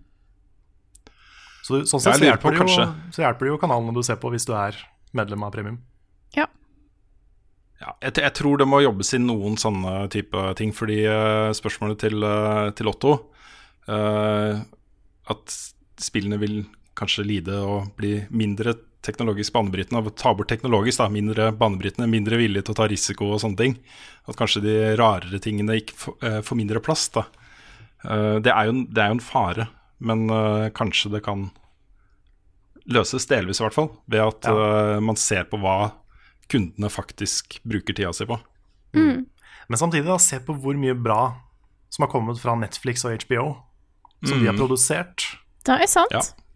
Og det er mye av det er sjanser de kunne ta fordi de ikke er så avhengig av den samme modellen som annen TV. Nå har de brukt veldig mye penger de ikke har, da. Ja, det er det nok. Masse. Mm. Det er jo Men- et av de store spørsmålene. er liksom Det har blitt en TV-serierenessanse. Å ja, i, uten tvil. Uten tvil. Absolutt. Så det er lov, lov å drømme, kanskje. Mm. Skal vi legge den litt eh, Ja, Det er ikke siste gang vi snakker om eh, abonnementsløsninger på spill. Det kan Nei. jeg garantere dere. Ikke, ikke første heller, men uh, kommer nok mer. Nei, det er sant. Yes. Men da tar jeg opp eh, neste spørsmål her, som jeg tar opp litt fordi det er ting jeg personlig opplever sjøl nå. Det er fra Sebastian Tegen Nygaard. Han skriver September har tatt meg i et dårlig skjult bakholdsangrep, som jeg likevel ikke så. Med en tropesommer i bakhovet resulterte lett bekledning over litt for lang tid i høstens erketypiske forkjølelse. Men jeg lurer på når dere i podkasten regner sommeren som avslutta og høsten begynt. Jeg undervurderer i alle fall høstens inntreden hvert år. Og jeg har jo blitt forkjølt, men jeg skylder ikke på meg. Jeg skylder på hele Trondheim som er blitt forkjølt, eh, og har sikkert gjort den feilen. Eh, Så det, det kan ikke være meg, nei. Legger vekk ansvaret på andre, tenker jeg. At det er greit. Ja ja. Ja. Mm. Det er, sånn skal det være. Skal det. Nei, høsten jeg, jeg vet ikke. Når, det- når det er så kaldt at du kanskje må vurdere å ta på deg jakke, eller eh, Ja. Men jeg føler Oslo, spesielt Oslo, det er et sånt sted der hvor det er to årstider. Det er, det er sommer og vinter. Jeg føler hvert år så bare skipper vi høsten og våren. Ja, gjør vi det? I hvert fall, i hvert fall sammenlignet med andre byer jeg har bodd i. Mm. Det er sånn, jeg føler den våren og høsten er bare, de, de varer kanskje en uke. Så nå er det høsten. Men det er ikke lenge til det er vinter. Nei. Ja, det er kanskje litt sant. Ja, jeg føler i hvert fall Det har blitt en sånn overgang for meg etter at jeg flytta til Oslo. Mm. Ellers så er det jo 1. september. Det er første høstdag. Ja. I hodet mitt så er liksom september høst, altså. Mm. Ja, jeg òg tenker det. Slutten av august jeg pleier å være der, i hvert fall erfaringsmessig fra Stord. Uh, Så bare på en måte Jeg en sommerferien var ferdig, så begynte det egentlig å bli litt kaldt som regel. Og nå har det vært Med jeg kom opp til Trondheim, så har det vært surt her. Det var regn. Det har vært kjipt. Så nå skal det faktisk bli litt varmt eh, igjen nå. Sola er tilbake igjen. Uh, men om morgenen så er det surt fortsatt, altså. Mm. Så eh, høsten er definitivt på plass her. Min favorittsommer er i hvert fall uansett Indian summer. Den som kommer når sommeren egentlig er over. Når det kommer noen dager med liksom god temperatur og sånne ting. Fordi det aldri blir like varmt som det er på det varmeste på sommeren. Det blir kanskje bare noen og 20 grader, og så er du kjempehappy for det, på en måte. Mm. Kan fortsatt være litt kjølig i skyggen, og det er ikke varmt på nettene, og det er ikke klamt inne og sånne ting. Det er digg, altså. Mm. Og ute med Absolutt. Bjørn ehm, her om dagen. Ja. Da, det var sånn på kvelden, og vi gikk en tur til, til McDonald's. Og bare da konkluderte vi at sånn, nå, nå er det bra. Ikke sant? Sånn, sånn skulle det bare vært. Ja. Ja. Men det var nå denne uka her. Ja da, det er flere sånne dager denne uka her som har vært helt perfekte. Ja, det er det. Nei, men jeg tror jeg, jeg gir ansvaret til dere litt, jeg. Sånn, eh, sånn så jeg slipper å gjøre ting. Vær så god. Spørsmål. Ja, Yes. eh, skal jeg begynne? Ja. Det kan du godt. Jeg har et spørsmål her fra Johan Martin Seland som spør hvilket spill er dere best i nå, og hvilket spill har dere vært best i gjennom tidene? Hmm. hmm. Tja, det vet ikke hva det vil si å være best. Jeg tenker, da tenker jeg litt sånn ferdighetsspill. Ja. Spill hvor det jeg liksom tenker sånn altså, nesten sånn du kunne vært e-sport.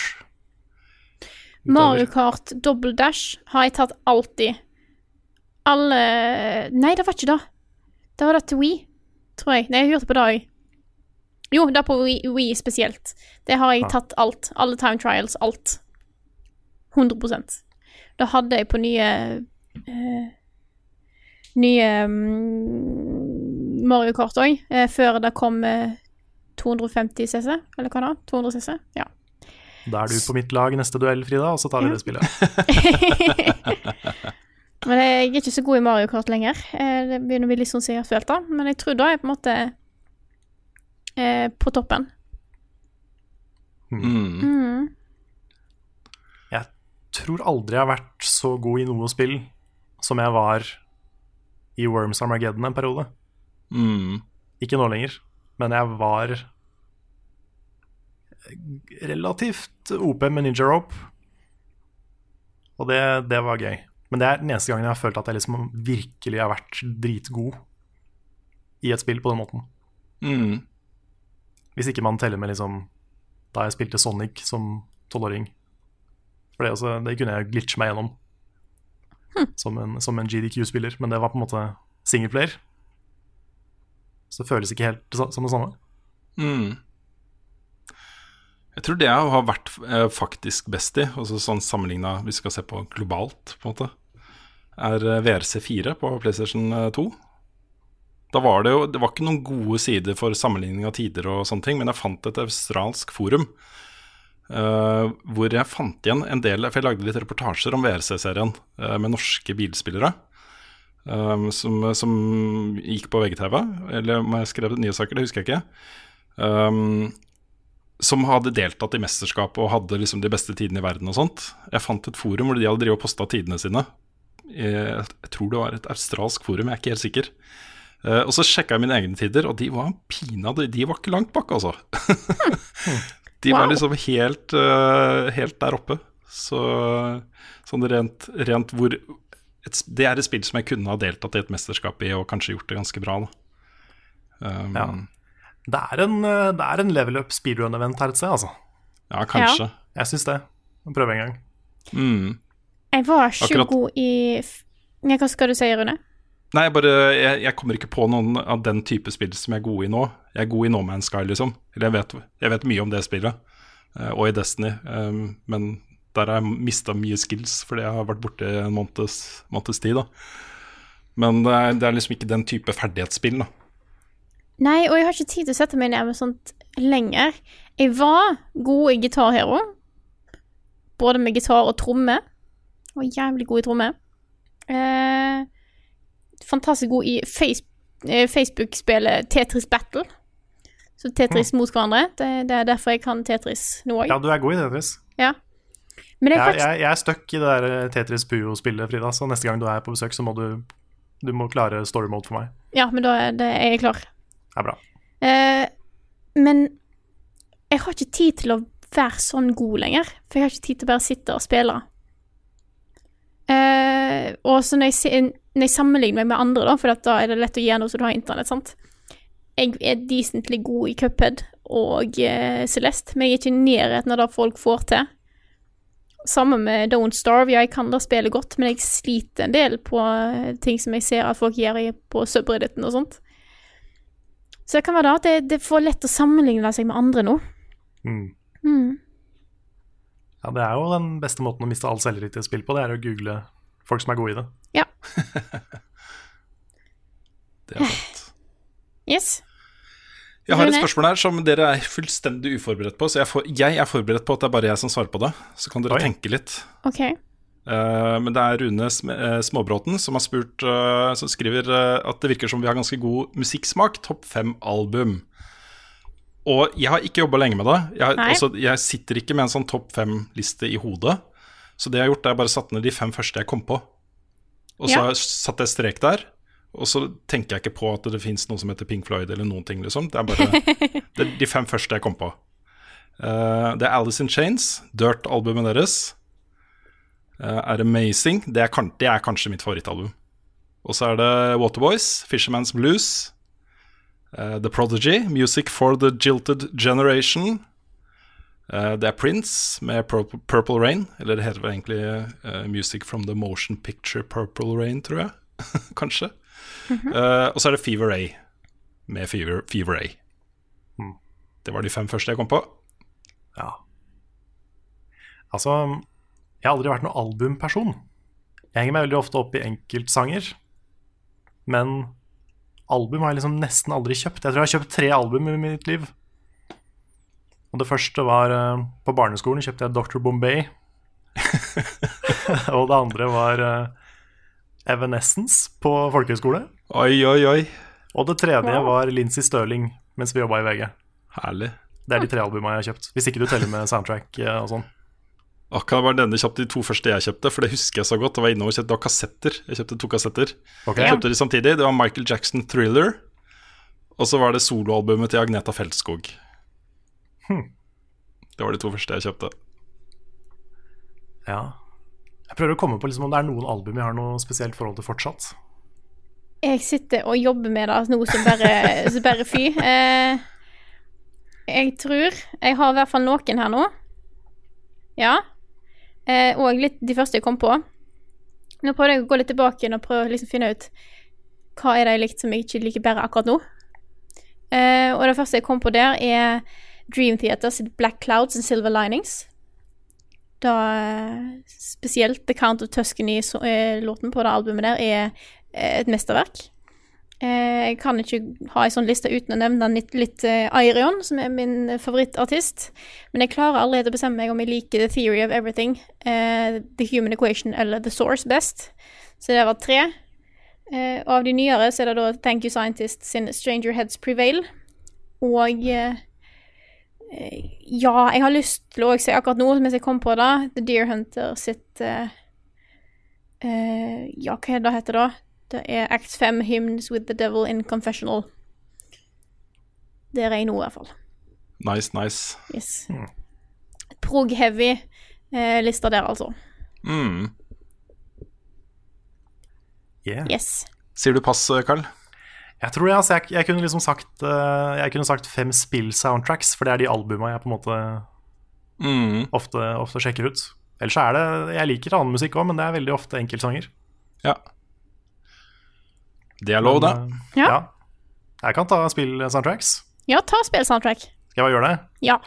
For da vil jeg si in, in no particular order. Uh, Final Fantasy 9, Krono Trigger, Krono Cross, Bravely Default og et til. Undertale, selvfølgelig. Mm. Kunne Nice. også nevnt Night in the Woods, kunne nevnt eh, Child of Light, Ori and the Blind Forest. Det er veldig mange. Ja, det er bra du ikke nevnte de. Jeg lot være å nevne det. Jeg tror jeg opp, langt oppi der så har jeg òg eh, eh, Super Mario Galaxy 1 og 2-soundtracket. Det er Ja. soundtrack jeg glemmer av og til, men da syns jeg har, begge de har fantastiske, fantastiske soundtracks. Og de har jeg faktisk fysisk. Jeg har betalt Ja. altfor mye penger for å kjøpe de på eBay. Same. Jeg har har mange sånne fysisk. Det er ting som ofte bare kommer ut kun i Japan, eller kun for sånne en Nintendo Club, Club Nintendo-greier som ikke vi hadde hatt i Norge og sånt. Jeg tror første altså Galaxy 1-soundtracket tror jeg måtte betale over 500 kroner for for å få tak i. Mm. Det var ikke billig. Men eh, jeg hadde en periode der jeg var veldig glad i å ha ting i fysisk format, så jeg har veldig, veldig mye eh, Jeg har en god del CD-er i, eh, i hylla mi.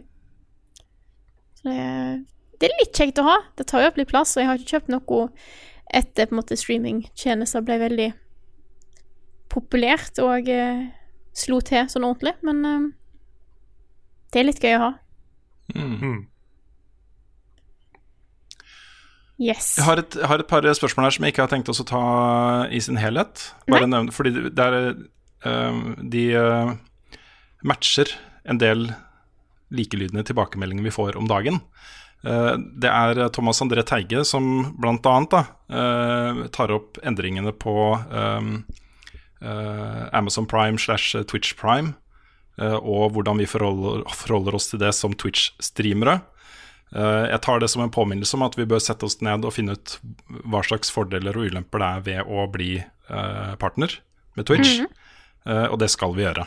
Det må vi gjøre. Noen må gjøre det. Kan, Jeg kan jeg, nevne grunnen til at vi ikke har gjort det? Det er det at eh, Twitch har en funksjon der hvor det spillet du streamer, dukker opp som en kjøpslink på Twitch. Og hvis du er Twitch-partner, så får du penger for det. Mm. Og så vidt vi har skjønt, så er det ikke noen måte å skru det av på. Det kan hende det er det, men vi har ikke funnet det. Eh, Så hvis vi kan skru det av, så er det ikke noe problem. Men grunnen til at vi ikke har gjort det, er fordi at hvis vi begynner å tjene penger på spill vi streamer, så er det en interessekonflikt for oss. Ja. Hvis du også vet det, da, please kommenter.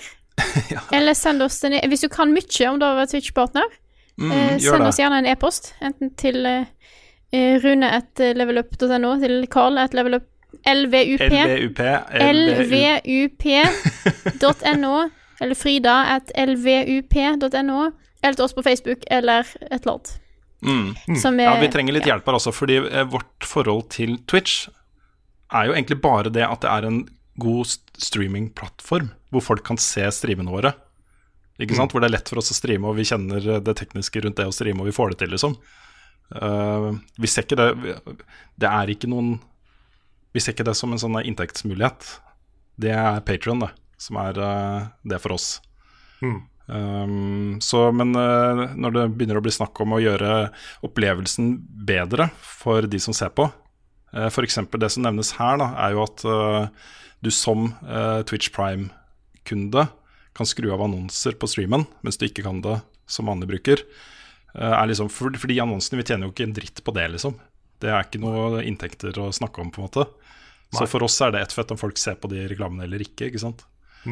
Så, Vi var, jo, vi var jo faktisk partnere på Hitbox da vi var der, mm, men det ble null penger av. Null penger. Yep.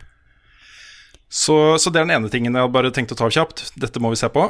Eh, Det andre er eh, alle tilbakemeldingene på folk som lurer på hvordan det går med oss økonomisk. Og der vil jeg egentlig bare si at eh, det kommer vi til å informere om ganske snart. Det er et par ting som avklares først, men så skal vi ta en sånn uh, uh, State of the Union som vi har pleid å gjøre hver høst nå. Ja. Hvor vi forteller hvor landet ligger og hvordan ståa er, og presenterer litt veien videre for oss. Så eh, vi tar ikke en lang greie på det nå, men vil bare fortelle til folk at det kommer nå ganske snart. Ja, det er noen siste litt viktige meldinger vi venter på der, bare. Ja. Yes. Men det, det, det, hvis noen eh, vil at det skal gå bedre med oss, så er det bare å støtte oss på Patron. Da går det definitivt bedre med oss. Det er ikke så lett å drive en liten, uh, liten redaksjon som vår, altså. Uh, og vi har jobba mye nå i august, uh, også før det, med eh, fremtiden. Og eh, det kommer vi til å fortsette å gjøre. Um, for vi må ha mer inntekter. Sånn er det bare. Yes. Så da, er, da skjer ting. Uh, Og vi kommer snart med mer informasjon, så snart vi vet hva som skjer. Yes. Yes. Har dere et siste kort spørsmål? En liten, kort ting? Nei? Nei. Ja Nei, ikke noe som eh, skriker opp her. Ingenting som lyser opp og bare sier nei? Det er mye vi allerede har vært eh, gjennom, ser jeg. Ja, da, var da lurer jeg litt på om jeg skal ta og runde av. Før da? Før vi runder av. Kan, jeg ombestemme? Kan jeg ta en? Ja. Favoritt 90s sitcom? Oi. Ja, men vet du hva, jeg husker jo ikke hva som kom på 90-tallet. Nei, jeg har også slitt med det. Det er vel kanskje Altså, det var jo Friends jeg så på. X-Files, selvfølgelig. X-Files. Sitcom. Sitcom. Ja, den var litt morsom av og til, da. Det er litt morsom av og til. Når er Seinfeld fra? Det var vel 90-tallet. Det Ja, det begynte vel da. Seinfeld. Ja. Ja. Og Frasier var da. Mange Det er nok var Seinfeld på meg òg, altså. Mm. Men det, da har jeg helt sikkert glemt noe også, fordi eh, det ble jo mye TV-titting. Jeg bodde i kollektiv en eh, ganske lang periode på 90-tallet, f.eks. Det var jo liksom Vi samla oss jo rundt foran TV-en og så på de tingene. Mm. Så Jeg føler det må ha vært et eller annet britisk jeg så på. Men jeg husker ikke Ja. hva, hva, hva det som var 90-tallet. Fordi Blackadder var jo tidligere. Mye tidligere. Ja, Det er jo mer en humorserie enn en sitcom, er ikke det? Eller? Kan man kalle det det en sitcom? Det er jo en situasjonskomedie. Ja, det er for så vidt sant, det også. Det er sant, det. ja. Men det var nok 80-tallet. Mm, ja, Eh, De hadde deler av Blackadder, tror jeg gikk på 90-tallet. Gjorde det? Ja, deler av det. Jeg skal jeg google, Ja. altså. Ja, kanskje. Fordi hvis, hvis de gjorde det, så er det min. Ta alle google litt samtidig her nå. Gikk fra 1983 til 1989. Å nei! Å nei! Da var det feil. Ja, Skal vi se. Disproven. Siden vi nå først sitter her og lager dårlig radio, så skal jeg Skal jeg google mens- sitcoms of the 90s. Ja, og mens du Eh, googler, da, så kan jeg si at eh, vår dårlige radio kan du se live. I Ja. oktober, 31. Ja. oktober, på Tilt, kan du se oss lage dårlig radio live. Du kan være Yes. med og se på, og da kan du se på mange andre som òg har eh, ikke, Nå skal jeg ikke si at andre òg lager dårlig radio, for det er ikke det veldig mange flinke folk skal være med. Men da er Hvem er det som er med der, Rune? Det er uh, Saft og Svele, Yes. Spillmatic, Yes. Lolbua, Yes. Radcrew Yes. og oss. Ja. Yeah. Og så er det- Masse podkaster der, altså. Ja, så konferansier er han Herfjord, han som lager den der uh, podkasten som, eh, som heter Hva er den heter igjen? Den er så bra. En sånn, Hva er greia med type podkast, men ikke akkurat. Skal vi se, nå skal jeg Enda mer dårlig radio her nå, Rune. Dette Masse, jeg Det her er eh, skikkelig bra, vet du. Ja, ja, ja. Uh, han heter uh, David Skaufjord, heter han selvfølgelig. David Skaufjord uh, har en uh, innmari bra podkast hvor det har masse spillfolkester og sånt, men det er ikke bare en spillpodkast. Men han er veldig morsom. Vi har møtt han en gang. Jeg husker vi var og møtte Pressfire uh, på kontorene deres nede i sentrum, Carl. Og Ja. han satt ved siden av de. Aha. ok. Husker du han som var på sida der bak i rommet, som satt i hjørnet, ja, ja, ja. sånn baki der, og ikke så på, oss, vi sa ikke hei, men han? Han. Yes. Men ok, hør her nå, da. Eh, Yes. Sitcoms of the 90s. Friends, Mm. Fresh Prince of Bel-Air, Seinfeld, oh, ja. Full House. Family 90s? Matters, Home Improvement, uh, Frasier Der var det en som forsvant litt for meg. Uh, skal vi se Roseanne, Saved by the Bell. Everybody Loves Raymond, den syns jeg var kjempebra. Den så jeg masse på. Simpsons, selvfølgelig. Ja. Ja. Uh, uh, Sabrina the Teenage Witch. Jeg vet ikke, det var det en sitcom? Nei, det trodde jeg ikke var en sitcom, men kanskje. ja, jeg vet ikke. Third Rock from the Sun. Cheers, så jeg masse på. Her er det mye bra, altså. Cosby Show. -hmm. Cosby Show, folkens. Hurra. Holdt seg kjempebra, jeg har hørt. All- Masse fra 90-tallet som holdt seg bra. Ja. Uh, uh, ja, det er sikkert masse, masse Skal vi gi oss nå, så er vi og Ja, vi holder oss litt litt bra? Ja, vi kan gi oss. Ja. Men, eh, men ja, det er nok, er nok Friends. Seinfeld. Alf. Litt fristende å si Full House bare fordi det var så utrolig sitcom, og, og så utrolig sånn kleint koselig. Ja. Mm. Og med det Doogie Houser jeg MD. Hva sa du? Doogie Houser MD.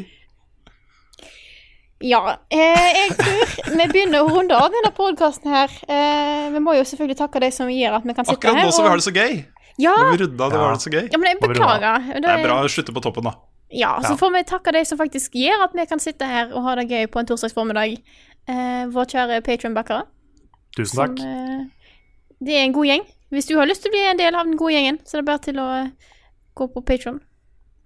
Det har, det har kommet en del bakom-ting i det siste, kan jeg nevne. Ja. Mm. Har du Siden lyst vi- til å se hvordan du lære deg hvordan du skal skjære paprika, for eksempel? Yes. Du får to tutorials på skjæring av paprika. Det er helt Gjør det. fantastisk. Og den ene er riktig, og den andre er feil. Ja. Men du, jeg har en kommentar til, til paprika, Rune. Fordi at Ja, Du jeg kan lage litt- det på bakom. Kan du ikke lage en bakom-film av det? En tredje paprikavideo. Det Ja, er det kan, det bli, kan- kan bli den nye kan- ananas på pizza-tingen vår. Ja. Jeg kan lage en, jeg kan lage en Dette blir ikke så lang, da. Det er bare en liten kommentar. Men jeg kan, jeg kan lage den, og så kan jeg eh, Ja, det kan jeg gjøre. Ja, det høres bra nice. ut. Yes. Så det er også, hvis du har lyst til å se, høre min kommentar om Rune sin paprikavideo, så det er det bare å støtte oss på Patreon Det er masse quality innhold der, hører du, som du faktisk ikke får med deg eh, på andre måter. Ja, det, er Absolutt. der, det er der vi er highbrow. Yes, Ja. highbrow. Mm. Bare der. Bare Og så får du vel kan- tilgang Hvis du gir ekstra, så får du tilgang til vår, vår Q&A-stream, som vi snart skal ha igjen Ja. Det På blir på mandag. på mandag. Men du kan jo også, fordi jeg er bakom-ting nå, som har kommet Mhm. siden, eh, siden vi kom tilbake i høst, så har det kommet en om E3 Mhm. i, fra juni. Og så har det kommet en om hytteturen vår i sommer. Yes. Og masse sånne små bakom-klipp fra bl.a. Uh, Lars og jeg og deg, Frida, som uh, finner datingspill på iPad Ja. Det var morsomt. og litt sånne ting. Ja. Jeg har lagt ut en guide til hvordan portaler funker i No Man's Sky. Det er det også. Så vi, har, eh, vi prøver å være litt flinkere på å faktisk eh, gi litt tilbake nå til alle dere flotte folk som støtter oss. Så da mm. Jeg har også, Dette blir veldig langt, unnskyld. Men Ja. jeg, har, jeg har lyst til å bare pitche en idé. Kan jeg Ja. gjøre det? Ja, ja, ja. Fordi jeg har tenkt litt på den bakom Patreon-ting. Mhm. Jeg vet ikke om det er noe marked for det, eller om det er noe interesse for det. Men jeg har tenkt litt på kanskje å lage noen sånne redigeringstutorials. Mm. Sånn hvordan få bra lyd på en Let's Play, hvordan uh, klippe en scene så den flyter bra. ja. Sånn Ja. type ting. Nå er ikke jeg noen ekspert, jeg er veldig selvlært på mye av det. Men uh, vet ikke, hvis, hvis noen er patronbacker og syns det høres spennende ut, så, så kanskje. Det som er tingen, også, dette er også innhold som hadde funka fint på vanlig kanalen vår. Ja, Carl, Carl eh, er lærer, liksom. Det hadde vært en fin serie. Men når, hvis vi tenker at det skal liksom være sånn, litt sånn én-til-én-kommunikasjon med de som backer oss på Patron, så må det ikke være like, like proft, kanskje. At vi, det er litt lettere å lage det. At ikke det er det samme kravet til at Ja, kanskje. jeg vet ikke. Jeg, bare, ja, jeg har tenkt på det som en Patreon-ting, men det går an å ha det som en vanlig ting òg. Kan Mm. eventuelt ta, ta det litt på, på feelingen. Ja. Og med da Ja, jeg bare nevner en ting til. Nå høres det Ja. ut som vi legger ut masse innhold eh, lukka bak, uh, bak Patron. Sånn Det er det det ikke. Alt det vanlige innholdet vårt vil fortsatt være fritt tilgjengelig. Dette er sånn Det- tilleggsting som vi bare kan lage fordi vi har det opptaket allikevel, liksom. Ja. Det er skjæring av paprika. Skjæring av paprika. Ja. Ja. Level Up som spillkanal med vårt hovedfokus og vårt innhold, det er gratis. Det er det. Ja, absolutt. Men det er bare, jeg tenkte bare jeg skulle si noe, at på en måte, vi faktisk, fordi at vi har vært litt dårlige på det, Mm, faktisk si noe til, liksom, til alle dere flotte folk som støtter oss på Patreon. Nå skal vi dit- Dette, høsten 2018, vet du, da er, da er høsten der vi går inn for å gjøre ting sånn ordentlig. Eller noe. Eller, Mm. ja, cirka. Det er jo ikke akkurat om avis i den siste halvdelen her av podkasten. Men da er det, det, Nå ble det jo det, Alt har jo gått veldig sklidd ut i den podkasten her. Vi har jo snakka om NSB og Ja, ja. Men det er, det er bra, det. Vi må Ja. ha noen sånne noen ganger. Ja, det tenker jeg jo. Ja. Og med det så tror jeg at Kan du ta en at ting til? Ja, det kan du. Vær så god, sett i gang. Jeg, jeg tenkte på en ting med religion og krig og fred og politikk og sånn. Ja, Og med det så tror jeg egentlig at det er på tide at vi runder av denne podkasten, for jeg må på do. Eh, så jeg vil, tror jeg egentlig bare må si tusen takk for oss. Takk for at du har hørt på oss ramble nå i en og en halv time om alt mulig rart som vi har kommet på eh, on the top of our heads. Og så eh, neste uke er vi tilbake igjen med enda mer spill, eh, nyheter og hva enn vi kunne tenkt oss å snakke om der og da. Så vi snakkes igjen neste uke. Hva er meningen med livet?